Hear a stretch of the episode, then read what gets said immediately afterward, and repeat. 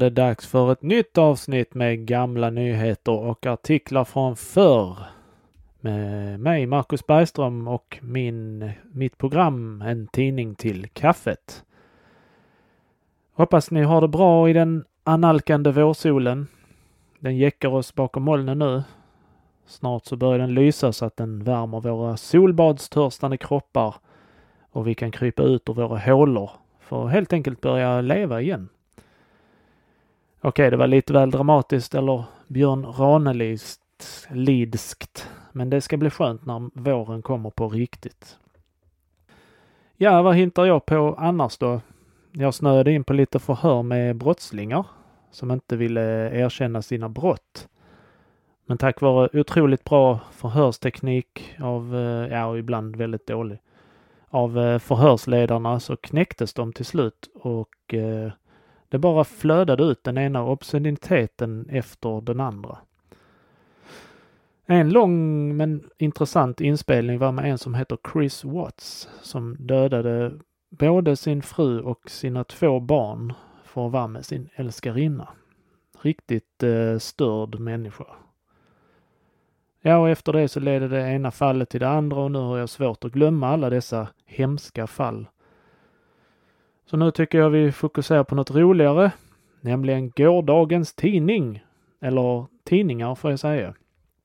Det fanns, eh, det fanns nämligen inte tillräckligt med artiklar i Smålandsbygdens tidning. Så jag har en liten wingman till den och den heter Hemmet från Skånska Dagbladet 1916. Det är en eh, extra bilaga som följde med gratis då, lördagstidningen. Som eh, har lite följetonger och husmorstips och allmänna åsikter helt enkelt. Den är ganska intressant. Sitter ni ner nu? Håll i hatten. Ta på er solglasögonen och spänn fast er för nu bär det iväg. Ja, vi börjar med den eh, väldigt eh, långa insändaren som är en följetong verkar det som. Det är nämligen, den är nämligen numrerad som nummer åtta. Antagligen har det funnits fler av denna sortens insändare så jag har säkert läst den innan. Allt kanske inte låter självklart, men nu läser vi. Brev från en fältpost någonstans i Sverige det är vemodigt när det åskar, sa den 70-åriga bunden som råder om gården där vi hade vår förläggning samt fortsatte jag blev skrämd för åska en natt när jag var 13 år och var ensam ute och åkte med häst och vagn på landsvägen. Då slog hon ner runt omkring mig. Sedan dess har jag alltid tyckt att det var vemodigt när det åskar. Sin vana trogen använde han inga starka ord. Nu gick han och såg oroligt mot västerhimlen där blixtarna avlöste varandra i sällsynt snabbt tempo, ackompanjerade av den dova fjärran knallar.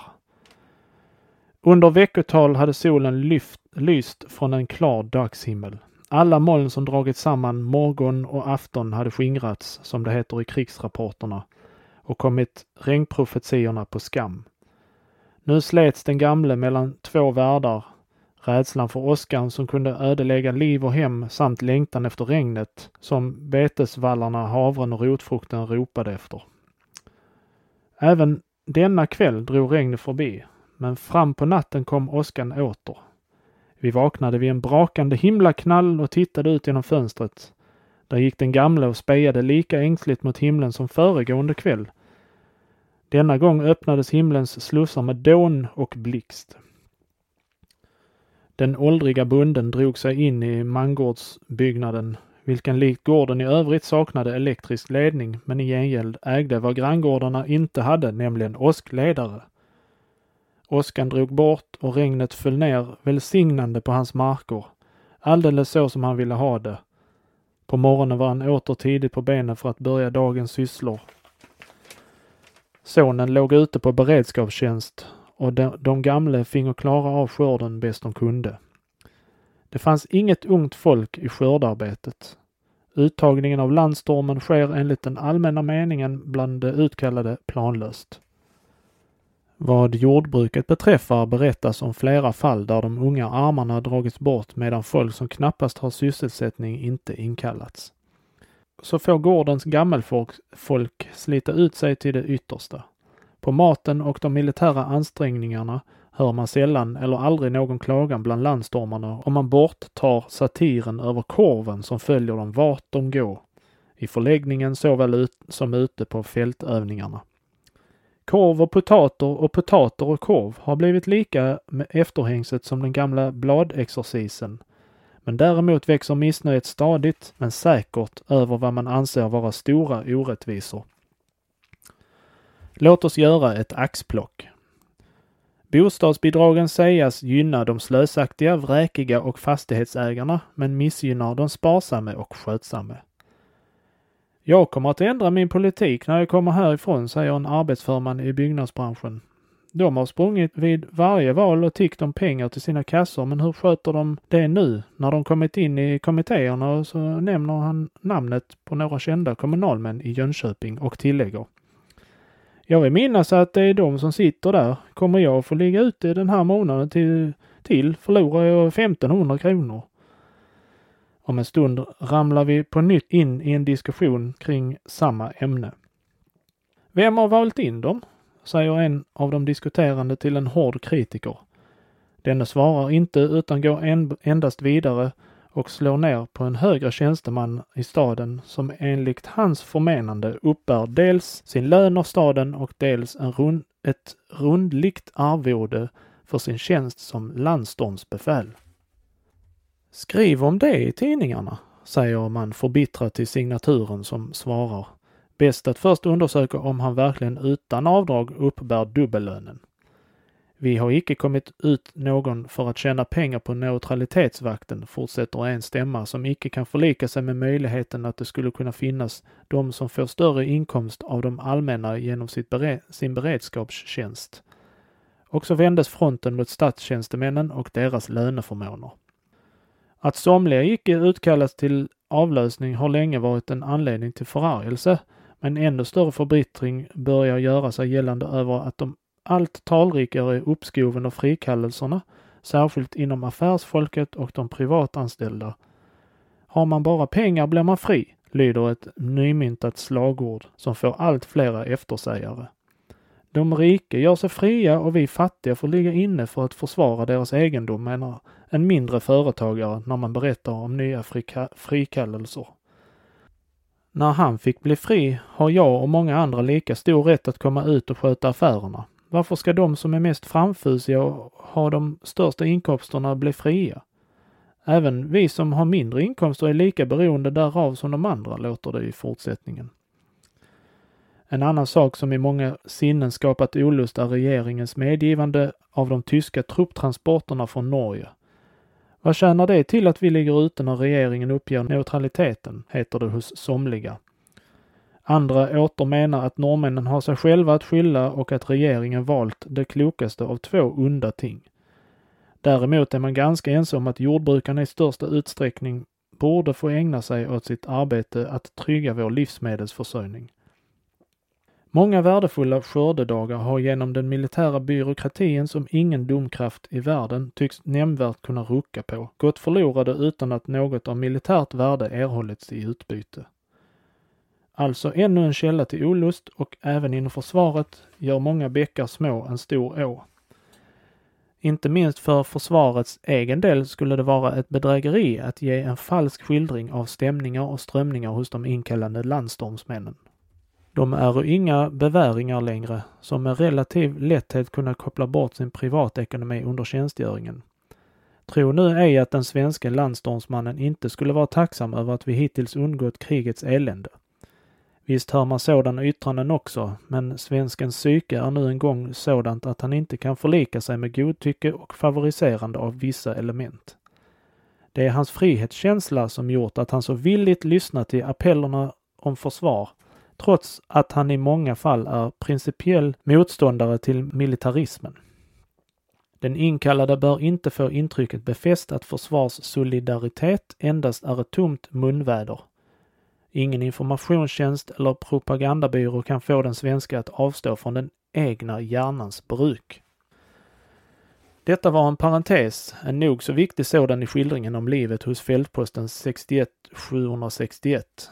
Nu har det gamla kompaniet upplöst och man, mannarna uppdelats på nya kompanier varvid man trott vara embryon till militära övermänniskor tillvaratagits för fortsatt plantskolning. Härvid har i allmänhet följts en riktig princip. Man har tagit de som har lust och fallenhet för det militära. All utbildning till befäl inom det militära borde för övrigt vara frivillig. Vidare borde alla som är mer eller mindre arbetslösa äga rätt att på begäran få inträda i neutralitetsvakten. Det skulle ju vara fullkomligt huvudlöst att till exempel låta jordbrukarna gå på neutralitetsvakt och samtidigt betala arbetslöshetsunderstöd till exportindustrins folk. Det militära får icke vara så tungrot som hittills utan måste snabbt och smidigt anpassas efter dagens krav. Att även en demokrati kan vara handlingskraftig, snabb och förnuftig har Finland visat, då å andra sidan så som fallet var med Polen, diktatorerna kunna vara både slappa, oförnuftiga och dådlösa. Det blev en parentes till, men för att berätta slutet av det gamla kompaniets historia så bröt vi en tidig morgon med tunga packningar upp från den lilla byn med de tre landsvägarna till de tre städerna. Vi hade sett våren komma och gå och den stora vårfloden hade blivit en idyllisk badå. Det hela hade i sommarens ljuvliga dagar varit en rekreation för den som äger förmågan att ta dagen som han kommer och fläta den, som en av våra stora skalder säger, lik en pärla på ett gyllene radband. Vi vinkade farväl bortåt handelsmannen vars telefon varje kväll i tre månader varit belägrad av de våra. Röda stugor tågade vi sedan förbi. Så tågade vi vidare ner mot järnvägsstationen. Här och var på en balkong stod en morgontidig Julia och vinkade farväl. 20 år har förflutit sedan många av oss låg ute sist i kronans kläder, men ändå kände man sig aldrig annorlunda än en beväring. Ja, det var slut på artikeln där. Egentligen var det en liten bit till, men det var någonting som inte hade gett så mycket. Eh, fältpost för övrigt, det var ju försvarets system för postdistribution i krig. Eh, ja, den var ju lång denna artikeln, men det gav i alla fall en intressant inblick i tankar som gick i de inkallades huvuden. Nej, nu eh, går vi vidare.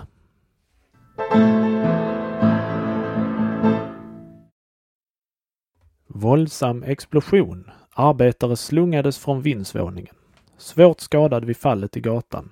Håret avbränt, kläderna bortslitna. Göteborg den 15. Vid en våldsam explosion vid 18-tiden på måndagskvällen i Göteborgs pulveriseringsaktiebolags fastighet vid Kämpegatan 3 kastades hela taket av och en av arbetarna gjorde en luftfärd ned på gatan.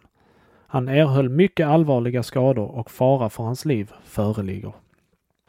I byggnaden som är uppförd av tegel i två våningar med inredd vindsvåning var man sysselsatt med blandning av vissa ingredienser till ett patenterat preparat. Den skadade 37-årige arbetaren Henry Andersson tillhörde jämte ett par kamrater nattskiftet och hade börjat arbetet klockan 17. Emellertid befann sig Andersson ensam i vindsvåningen då explosionen inträffade varför de övriga blev oskadade. Anderssons kläder sletos eller brändes så gott som fullständigt av kroppen och när han föll ner på gatan var han endast iförd strumpor och tofflor. Håret var fullständigt avbränt. Större delen av pulveriseringsaktiebolagets tak hamnade på tobaksmonopolets betydligt högre byggnad på andra sidan Kämpegatan medan byggnadsrester, tegelstenar och plåtar ströddes över alla intilliggande fastigheter och på gatan i hela dess längd. Fönsterrutorna sprängdes av lufttrycket helt eller delvis i ett tjugotal fastigheter vid gatan. Åtskilliga maskindelar ramponerade tobaksmonopolets väggar och på ett ställe hade en järnpjäs trängt igenom och gjort ett stort hål i en mur av omkring en halv meters tjocklek. Även Vin och spritcentralens intilliggande fastighet blev skadad. En brandmur mot ett annat hus rasade delvis ner. Omedelbart efter explosionen som följdes av en kraftig detonation hörbar över hela staden uppstod eldsvåda i vindsvåningen.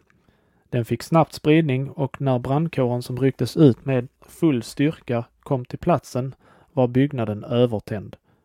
Efter några timmars arbete lyckades emellertid brandmännen bli herrar över elden, men de två undervåningarna och med dess dyrbara maskiner blev svårt skadade. Hur explosionen uppkommit kan för närvarande icke sägas, men det är sannolikt att någon gnista uppstått i ett av maskinerna och antänt det svaveldamm som uppstått i lokalen, lokalerna tidigare under dagen. Skadorna torde kunna uppskattas till omkring 200 000 kronor. Ja, det var ju hemskt detta, men eh, det här får mig att tänka på eh,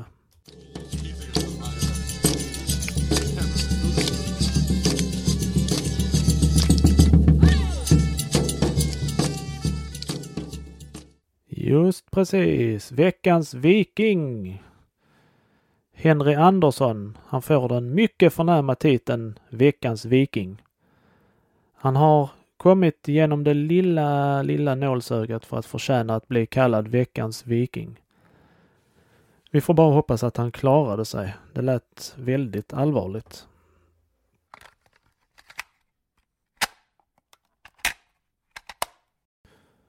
Engelska bomber över Köpenhamn. Våldsamt nattligt anfall mot Kastrups flygfält. Dånet så starkt att fönsterna i Limhamn skakade. Malmö den 15. Vid ett-tiden på natten till måndagen hördes i Malmö våldsamma detonationer från danska sidan. Söder om Köpenhamn upplystes himlen av projektörer och spårljusknippen och väldiga explosionskvastar åtföljda av dova knallar syntes uppstiga från marken. Alla försök att komma i telefonförbindelse med Köpenhamn under natten vore förgäves. Efter vad man kunde se från Malmö gällde det sannolikt ett bombardemang av Kastrupfältet. De anfallande planen synas ha tagit sig fram till platsen utan att observeras.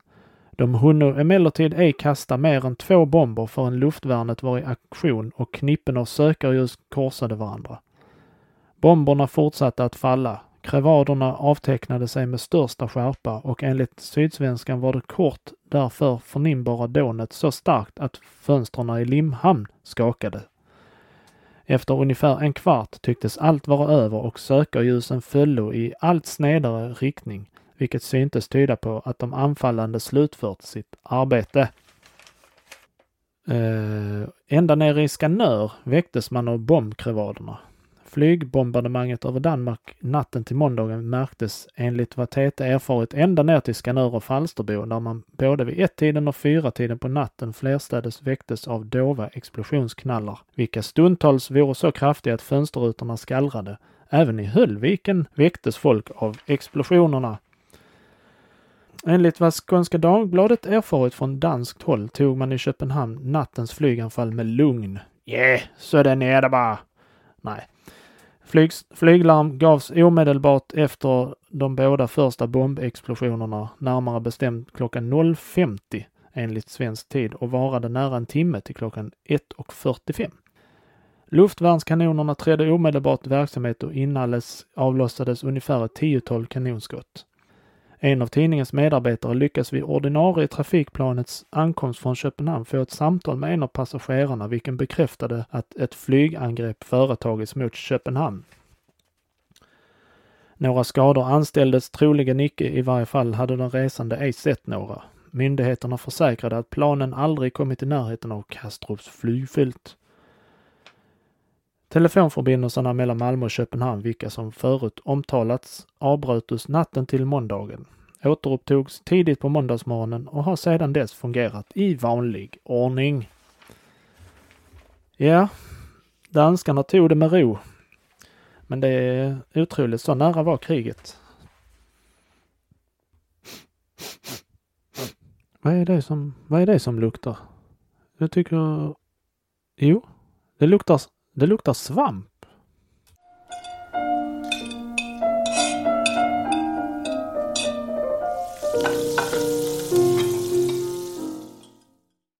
Yes, jag hade rätt. Det var svamp. Det var, vi har nämligen kommit fram till recept nummer 443.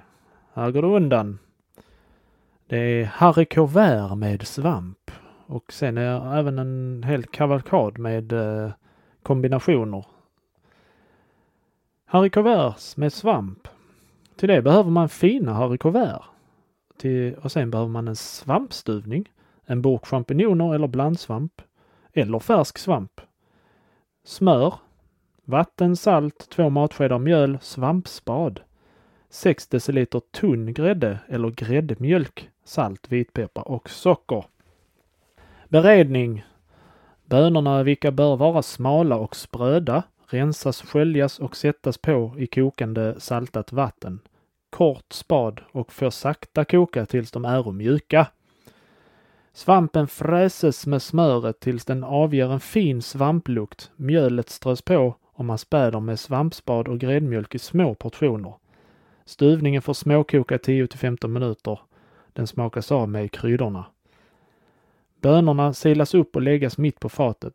Stuvningen hälles över, serveras som lunchrätt eller som grönrätt vid middag. Kokta haricots kunna genom olika tillsatser varieras på många sätt. Haricots med kastanjer. De kokta bönorna läggs upp på fat och omgives med grupper eller en rand av glaserade kastanjer eller kastanjepuré. Serveras som mellanrätt. Bönor med äggstanning. De kokta bönorna läggas upp på fat jämte äggstanningen som skivas upp. Äggstanningen kan smaksättas med färska tomater skurna i tärningar eller uppfrästa skinktärningar. Önskar man rätten kraftigare utbytas skinktärningarna mot skivor av bräckt skinka, vilka läggas upp på samma fat. Haricots med bacon. De kokta bönorna läggas upp på fat och bräckta baconskivor läggas omkring. De övergjutas med tomatpuré eller med tärningar av färska tomater uppfrästa i smör. De båda sistnämnda rätterna serveras som lunchrätter. Ja, det lät ju intressant och dåtida. Det hade man ju kunnat testa, men det är kul att de berättar vad man ska äta det som. Du kan ha den som huvudrätt eller som eh, mellanrätt. Ja, då går vi vidare.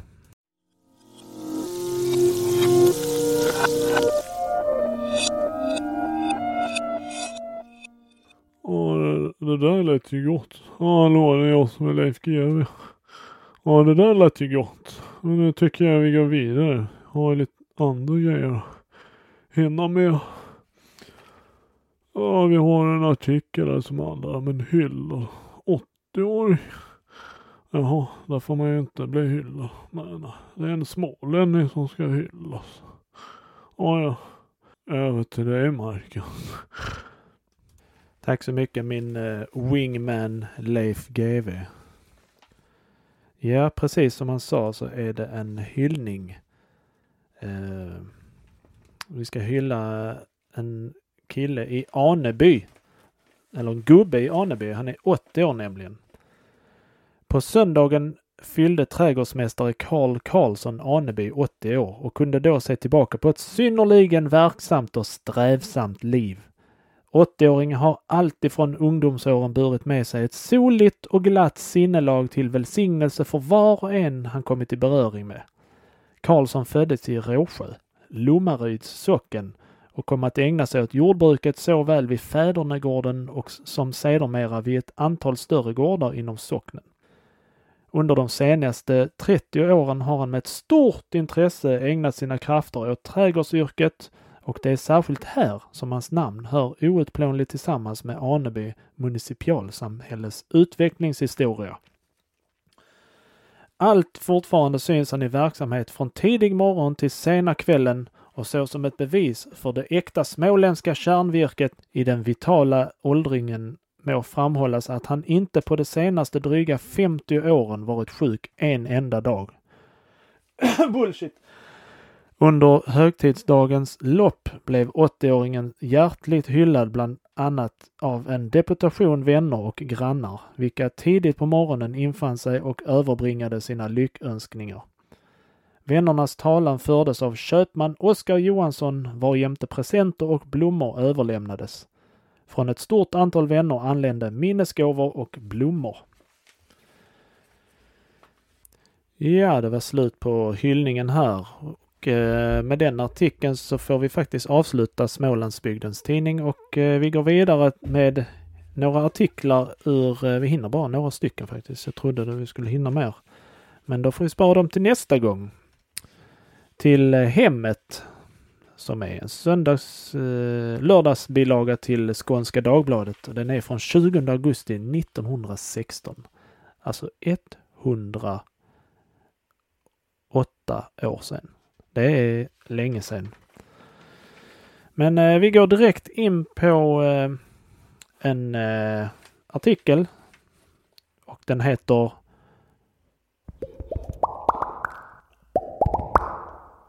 De höga klackarna ur hälsosynpunkt. Det nya modet med höga klackar alla Louis den femtonde på damskodon medför ur hälsosynpunkt många vådor, framhålla åtskilliga läkare. De höga klackarna är skadliga för kroppen i dess helhet i det att de genom den oriktiga ställning av foten tvingas att utöva ett ogynnsamt inflytande även på mer avlägsna muskelgrupper. Genom att hälen höjes föranledes underbenet att intaga en framåtböjd ställning istället för den normala lodräta. Därigenom ansträngas lårets sträckmuskler i särskild grad för att återhålla det framåtböjda knät och söka bringa skenbenet i lodrät ställning. På grund härav måste en motsatt ansträngning göra sig gällande i höftledens muskelparter, Bäckenet lutar mer än vanligt framåt och anstränger i sin ordning buk och ryggmusklerna för motverkande av denna abnorma ställning som även på underlivets organ utövar ett ogynnsamt inflytande. Att de höga klackarna i hög grad anstränger musklerna framgår tillräckligt av det faktum att en person som begagnar höga klackar ej kan gå långt utan att tröttna. En soldat med höga klackar är oduglig att marschera varför en viss normalhöjd på klackarna är föreskriven för militärskodon. Damerna känner nog också, om de vill vara uppriktiga, att de höga klackarna är ytterst svåra och tröttande att stylta sig fram på. Men de är än en gång för alla sådana slavar under modet att de underkastar sig vilka lidanden som helst när modet fordrar det. De höga klackarna är emellertid mycket farligare än man tror och kommer säkert att lämna svåra spår efter sig i form av varjehanda krämpor. Slut på den intressanta artikeln. Ja, så här är det ju än idag. Om man vill vara fin så får man lida pin. Ja, vi avslutar med en eh, annan artikel som heter Böcker. Kära böcker, bakom titeln Alltid något finns hos er, då hos människorna så ofta utom tiden intet mer. Så skrev Snoilsky i ett ögonblick då han mer än någonsin förut kände och erfor tomheten och värdelösheten hos människorna i allmänhet för honom existerade endast ett, vilket ej skiftade form, ej förändrades utan ständigt var densamma. Detta enda var böckerna, de kära böckerna, de talar alltid samma språk. Säkert finns det ännu i den dag som är en liten skara som vet att förstå, gilla och värdera innebörden av denna Snoilskys i ord klädda tanke och känsla. Mänskligheten i allmänhet uppskattar ej böcker till sitt fulla värde. Det finns de som gång efter gång utan saknad kunna offra ganska mycket på nöjen och förströelser av många slag, men att offra några kronor på en bok för att få det nöjet att läsa den anser de alldeles onödigt. Tro ej att böcker är torra, döda ting utan innehåll som man endast begagnar sig av när man är nödd och tvungen därtill. O nej! Böcker är levande varelser, härliga sådana, vilka man bör anse som kära vänner. Varje bok har sin historia och sina minnen att förtälja, det ena olikt det andra. Lyssna bara därtill. De talar mäktigt till en på sitt tysta språk. Var och en som är i stånd därtill borde försöka skaffa sig en god boksamling och det ska snart visa sig att det ej är bortkastade penningar man offrat härpå. Tvärtom, man har förnöjelse därav så har man alltid i sin fyllda bokskåp en källa till daglig glädje och skönhet. Gång efter gång under årens, årets lopp tar man fram den eller den boken och fördjupar sig där i och för var gång känner man inom sig allt större och större tillfredsställelse. Man bör ej lägga an på att skaffa sig böcker endast för att i en framtid, när de kanske betydligt stigit i pris, när de kanske betydligt stigit i pris, då kunna förtjäna därpå. Man låter i allmänhet priset på böckerna spela allt för stor roll. Det händer ofta att en bok som, när den utgavs, betingade ett visst pris, om några år kan säljas betydligt billigare. Det finns människor som kunna förarga sig häröver. De tyckas tro att bokens anseende härigenom blivit mindre. Så är det ej, ty både höjning och sänkning av prisen är inom bokvärlden ganska vanlig. Dock medför en prisnedsättning alls icke någon förringelse av bokens värde. Har man skaffat sig en boksamling bör man vårda och sköta den mycket väl och ej låta den komma i okända människors händer utan om möjligt bevara den från släkt till släkt. En var som har haft ett barndomshem där det fanns en god boksamling vet säkert vilket, vilken stor roll bokskåpet spelade, ty ett hem utan böcker är inte ett hem. Man behöver aldrig känna sig helt ensam när man har sina böcker.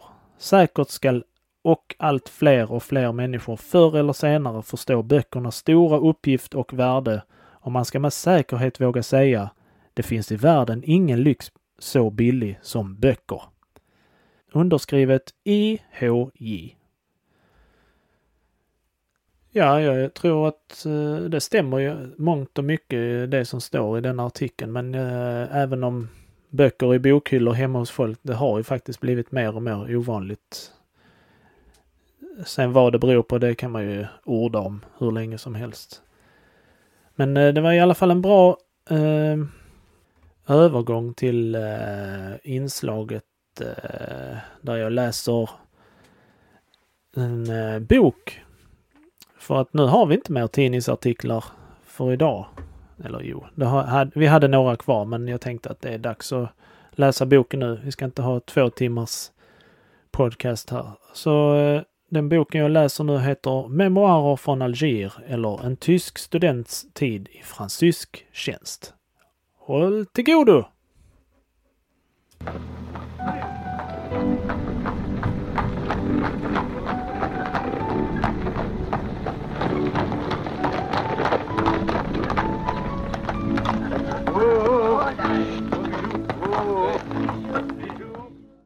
Ja, vilket härligt intro till boken.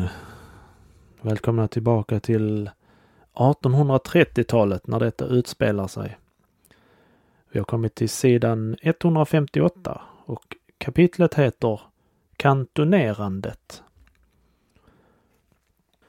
Hädanefter var man försiktigare men därigenom ökades även tjänsten och arbetet Utom det i grannskapet varade blockhuset blev ännu ett annat anlagt på tvenne kanonhålls avstånd och dagligen försett med ny besättning. Då man gick till arbetet hade man på ena sidan geväret, på den andra piken eller skyffen. Ankomna till stället blev gevären uppställda en faceux och från morgon till kväll arbetades i den nu, nu dagligen stigande solhettan.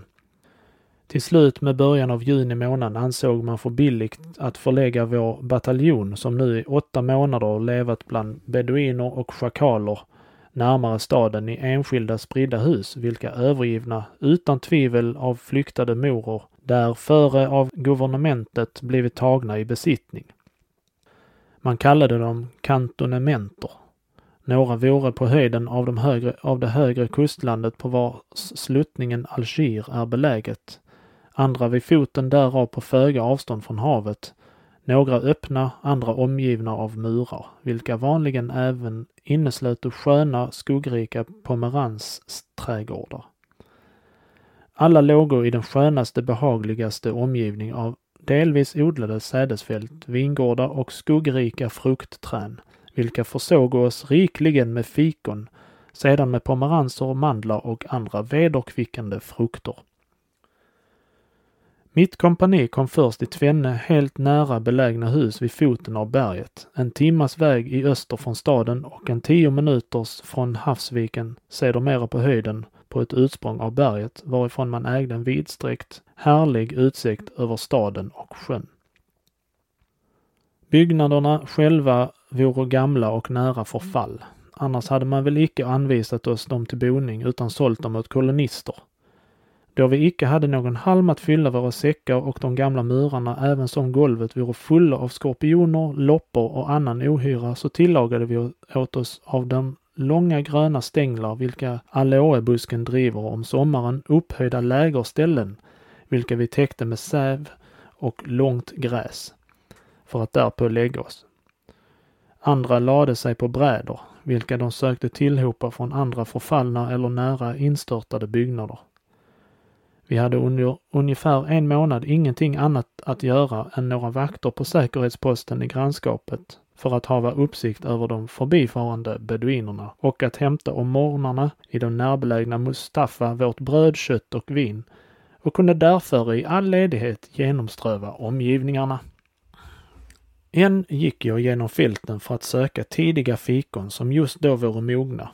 Än begav jag mig till ett nära arabiskt kaffehus där i skuggan av höga plataner bredvid en skön, rikligt givande brunn de ständigt lediga mororna suttit nedhukade på halmmattor, sörplande sin kopp mecka, pladdrade i sällskapliga kretsar eller spelte bräde och schack. Än gick jag att bada i det närbelägna havet eller stega upp för berget för att rikligare förnöja mig åt utsikten över den vida spegelglatta vattenytan än satte jag mig med några goda vänner i skuggan av ett närstående oliv och, eller fikonträd där vi språkade om hemorten och vår framtid eller utkastade planer för denna.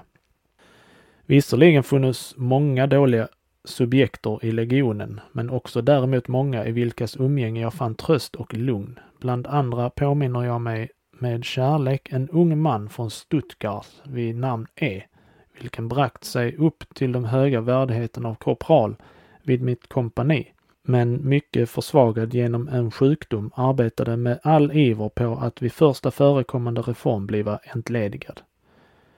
Då och då begav jag mig även till staden dit inträdet väl var förbjudet, emedan många missbrukade tillåtelsen att gå dit till att stanna borta, bortsälja saker och andra oordningar. Men jag visste dock att bereda mig där tillfälle därtill än genom utbedd tillåtelse än i sällskap med en ditskickad underofficer, än även och för det mesta så ofta jag, så ofta jag ville genom att kringgå den.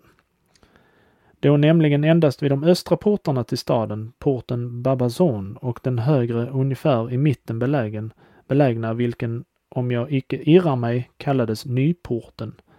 Ordres vore givna att icke insläppa någon legionär även som ingen soldat av de andra utom staden förlagda armékorpser.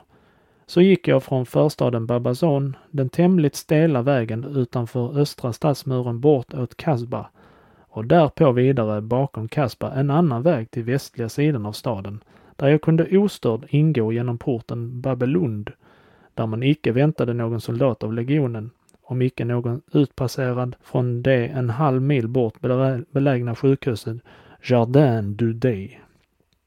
Och denna möda att kringgå staden på trenne sidor gjorde jag mig endast för att några ögonblick njuta av den underbara rörligheten och det sällsamma skådespelet av därvarande liv och så noga som möjligt lära känna staden själv och dess leverne.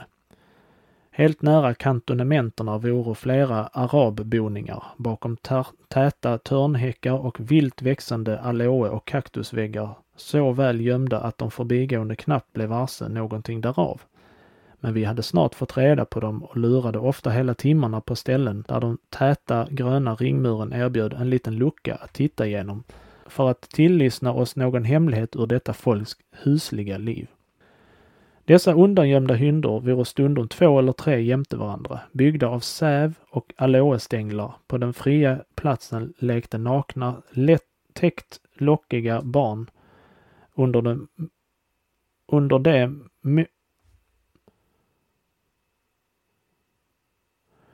under det, under det morsorna antingen hämtade vatten vid den nära källan eller mjölkade getterna eller kokade den kostliga couscousen. Flera gånger försökte jag att tilltala dessa fruntimmer av vilka en genom sin bländande vita teint, sina svarta själfulla ögon och regelbundna drag verkligen för en tid gjorde mig förälskad. Även uppfann jag alla uttänkbara medel för att komma närmare deras boning i det jag kom att köpa till exempel ägg, smör, mjölk eller grönsaker, men alltid infann sig därvid den allvarsamme husfadern som med tydliga ord förbjöd mig, nämnde tillträde och lät mig stanna utanför porten under det han räckte mig vad jag önskat. Jag tror mig därför även efter vad andra blivit mig meddelat kunna påstå att alla som föregiva sig hava fått tillträde i det inre av arabiska familjer talar osant. Blott en gång bitida en morgon, då vanligen ännu ingen soldat lät se sig, lyckades det mig att överraska den sköna arabiskan just då hon är nära till hyddan i buskarna gömd bassäng tvättade sina fötter och till och med att fatta en av hennes händer. Gärna hade jag i detta ögonblick givit all min latin och grekiska för tio ord arabiska och allt mitt guds och bol, bohag för en prydlig vit bernus för att endast en minut fängsla mina, min vackra baderska. Men hon slant undan mig likt en ödla och skyndade till ingången av sin inhägnad. Der flüchtigen Gazelle verleichtbar an schnelle. Sjöexpeditionen Den apati var i vår fullkomliga overksamhet småningom försänkt oss avbröts tid efter annan genom rykten om ett förestående huvudangrepp av beduinerna under anförande av den vä väldige Ahmed, bey av Konstantine, genom dunkla sägner om en nära förestående stor expedition emot sistnämnde stad eller även genom underrättelsen om skedda angrepp på förposterna och blockhusen. När soldaten har det bra är han otillfreds. Detta är en sanning som även bekräftade sig bland oss, ty nästan alla vore snart mätta vid vilan och önskade så snart som möjligt bliva förda emot fienden. Denna önskan tycktes även snart vilja finna sin fullbordan. En afton vid appellen erhöll vi nämligen ordres om att hålla oss färdiga till midnatt, midnatten med livsmedel för två dagar. De som kände sig svaga och sjuka fingo stanna kvar, men endast få stannade under jäckerier av de andra. Vår kommendant som fruktade vi kunde hava glömt att exorcera lät oss manövrera från 12 till 2 i tjockaste mörkret vid havskusten där vi måste utföra en fingerad landning och ett angrepp på de där befintliga batterier. Därpå förde han oss i största tysthet genom det ännu i djup sömn begravna staden.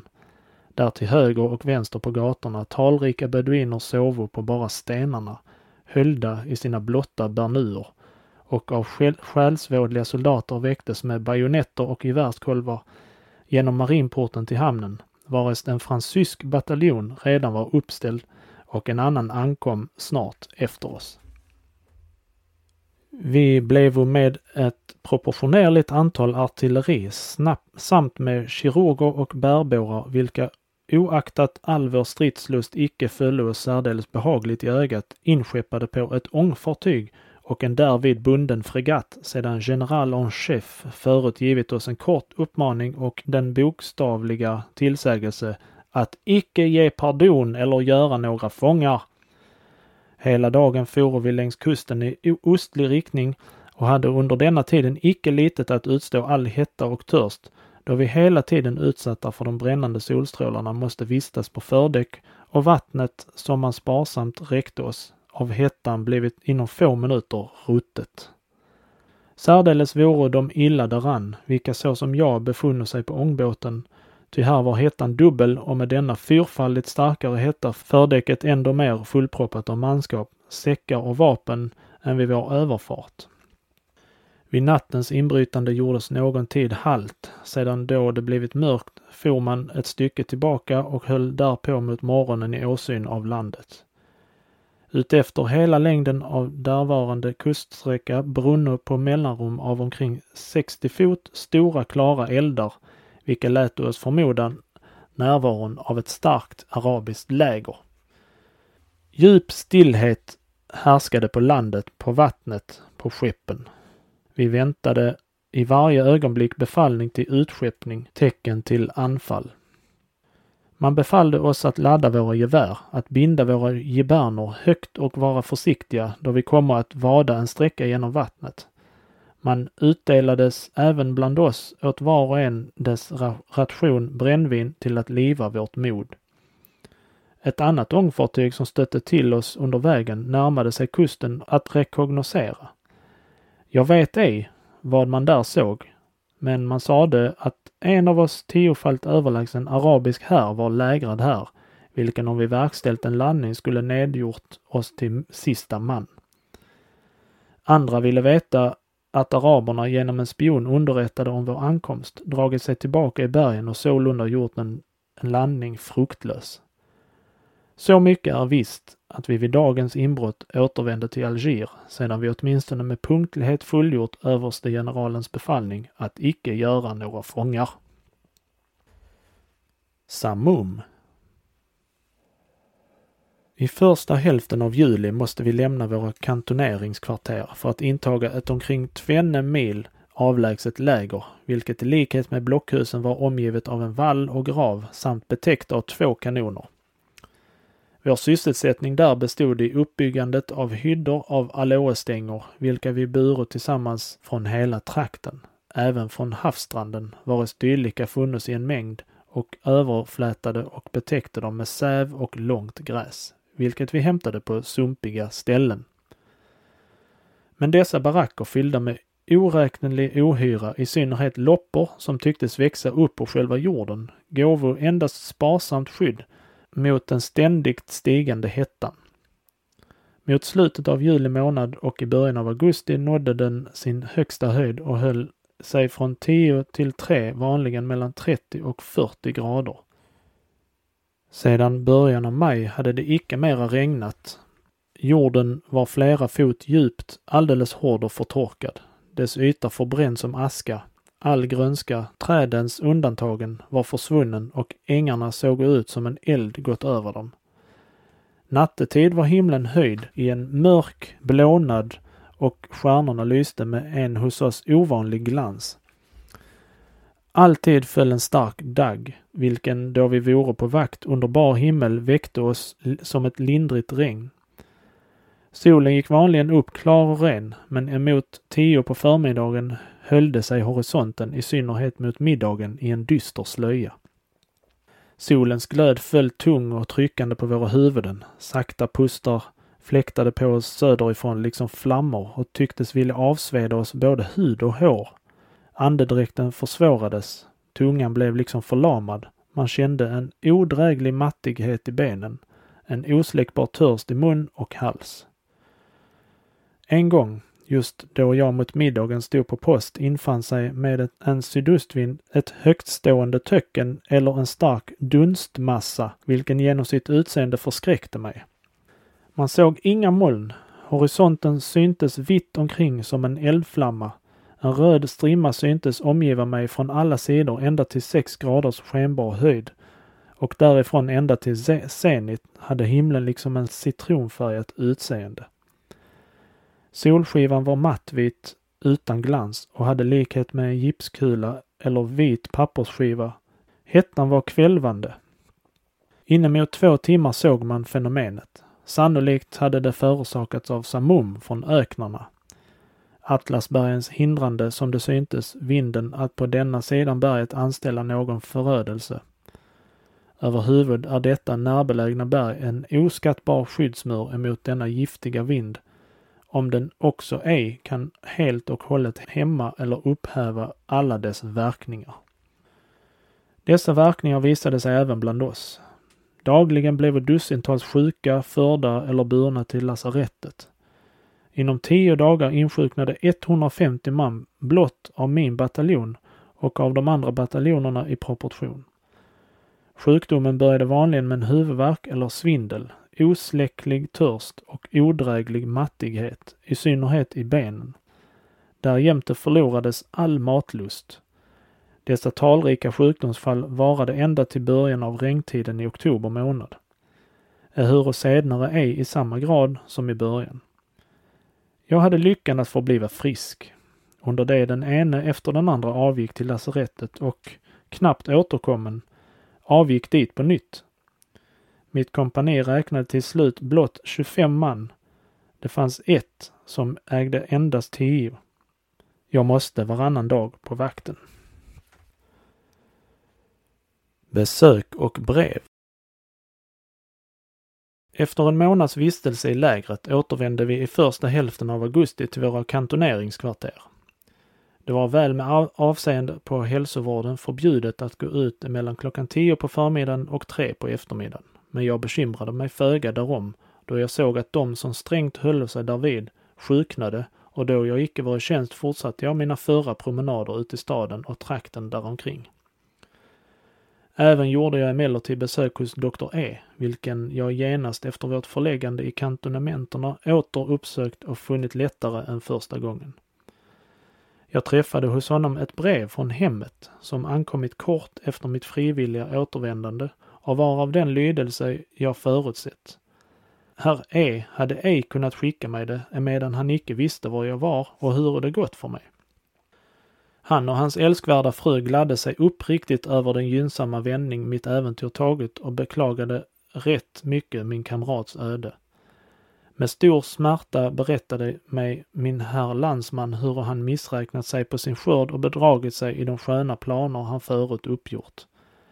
Jag vill här anföra ett ställe ur den 24 juni skrivet brev, vilken gav ett på grund av rådplägning med herr E lämnat svar på en förfrågan som gjordes, gjordes mig av en släkting i avseende på rådigheten av att utvandra till Alger och ett annat ur ett den 24 augusti till hemmet skrivet brev vilket må hända kan innehålla något som ännu är av intresse även för andra. Ni tillskriver mig, heter det i första brevet, om en plan att med er familj avflytta till Alger för att här försöka er lycka. Jag tror ej att ni på allvar kunnat fatta denna tanke, men skulle det så vara så ber jag er uppgiva den och icke bedraga er med förhoppningar varav så många andra redan bedragits. Om våra andra här varande tyska utvandrare vill jag ej tala, ty de är alla, eller med få undantag, för litet dugliga att kunna, det vare var som helst, göra någon verklig lycka. Jag vill endast tala om herr doktor E, en man av insikter och verksamhet, vilken även såsom förvaltare av ett lantgods tillhörigt engelska konsuln har erforderliga medel att tillgå. Det oaktat ser han sig bedragen i de sköna förhoppningar han gjort sig för denna vår. Mycket som han planterat har i grund förstörts av torkan. Hans stora vetesfält inbringar honom knappast hälften av vad han väntat och då han för denna sommar lovade sig sina 4 000 franker i ren behållning har han nu redan måst ansenligen nedstämma sina förhoppningar. Han har därför också beslutat att sända sin fru och sina barn åter till hemorten och därefter ensam försöka än ett år eller par. Han uppdrar mig även av särskilda grunder att avråda er från edert beslut.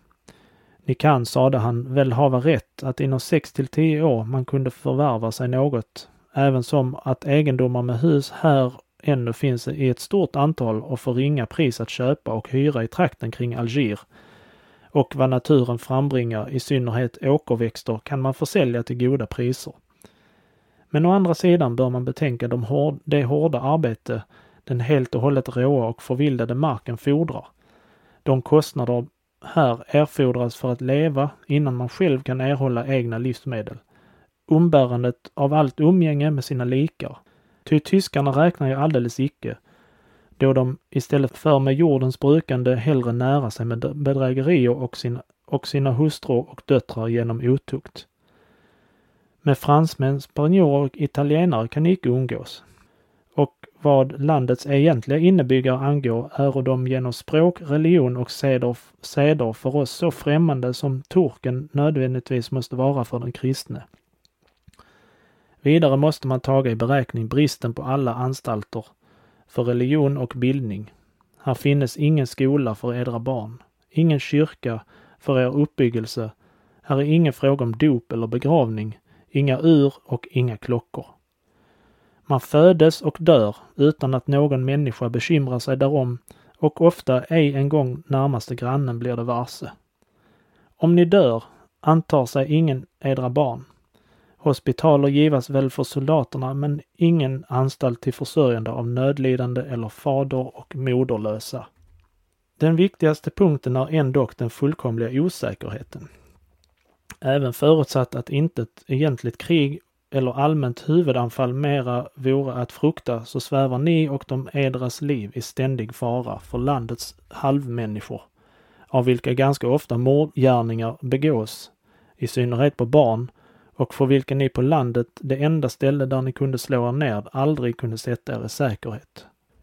Blott så mycket vill jag säga er, att detta land ännu är underkastat ett ovisst och osäkert öde och att det efter mitt omdöme och alla deras, vilka av erfarenhet känner härvarande förhållanden, för närvarande ännu ej är rådligt för någon att komma hit.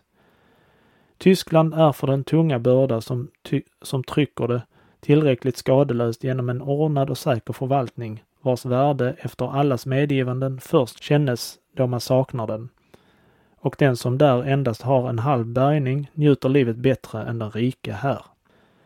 Om ni för övrigt önskar närmare upplysning om förhållanden här ska jag icke underlåta att inhämta alla underrättelser som kunna stå mig till buds.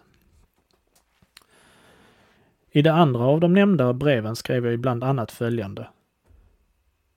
Som ett litet bidrag till beriktigande av begreppen över härvarande invandrares förhållanden vill jag blott göra den korta anmärkningen att Dr. E, som jag tid efter annan besöker och som icke gör mig någon hemlighet om min, sina förhållanden av sitt betydliga lantgods, som man förpaktar emot hälften av hela inkomsten, överhuvud knappt erhållit dubbelt emot utsädet och ej en gång ersättning för kostnaderna därpå. Utom vetet varmed han besått det mesta och som gav honom en dålig skörd har han ingenting annat än några trädfrukter, vilka här står i lågt pris, och flera vinberg med sköna druvor av vilka han försäljer så mycket han kan marktals, två sus för marken, till staden och av återstoden ämnar pressa vin. Godsets ägare, själv misslynt över en så ringa avkastning, vill härefter hellre låta sin fält ligga öde än utarrendera dem på sådana villkor.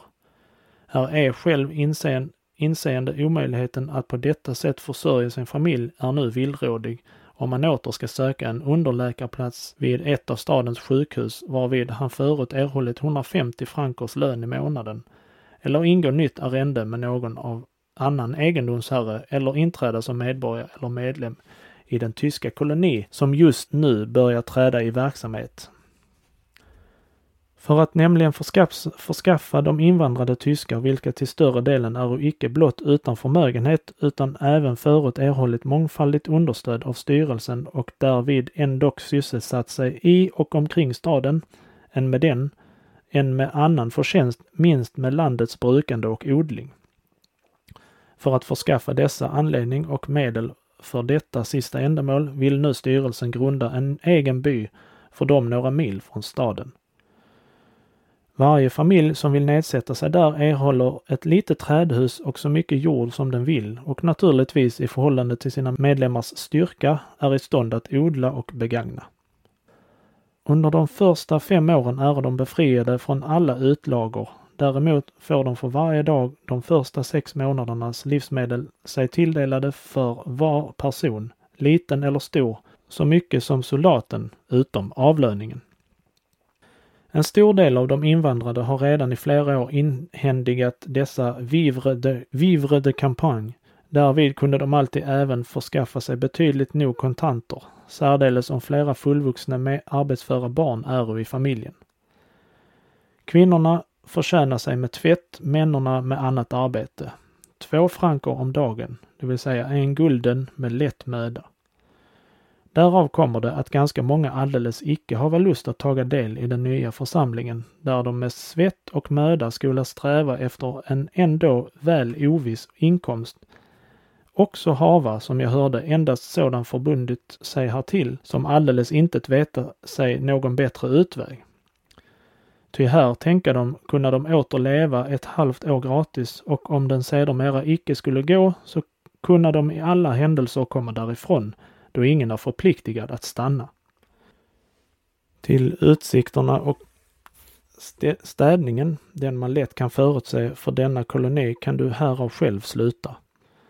Franska regeringens plan kan väl vara vacker, men efter min åsikt skall den därav ha väl föga bottnad, då de av vilka dessa utförande och framgång beror är till största delen oduglingar.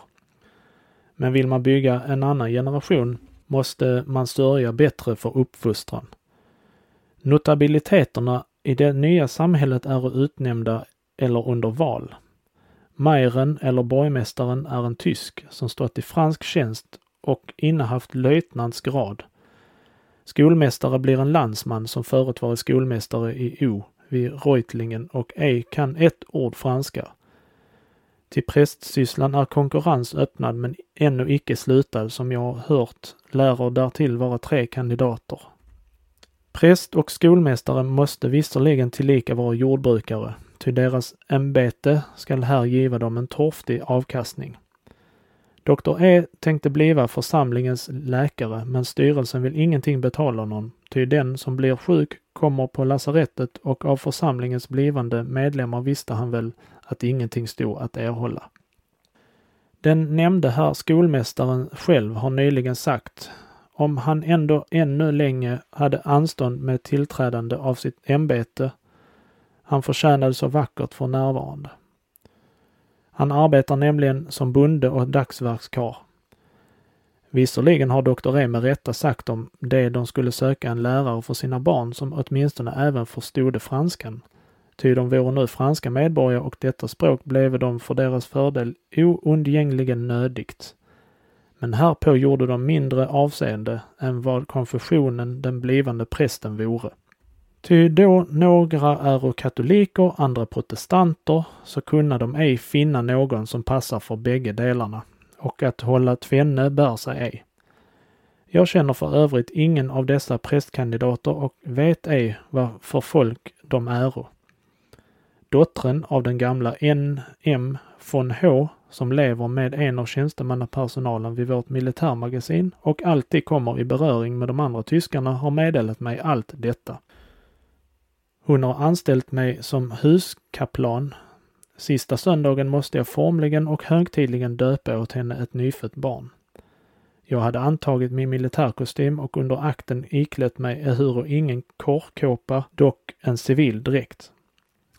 De flesta låter här hellre alls inte döpa än de bara sina barn en mils väg till staden eller inom staden till prästen som inkasserar pengarna och i allmänhet dock ingenting bekymrar sig om dem. Det gick således väl an, tänkte jag, att jag uppfyllde denna ändå kristliga moders önskan.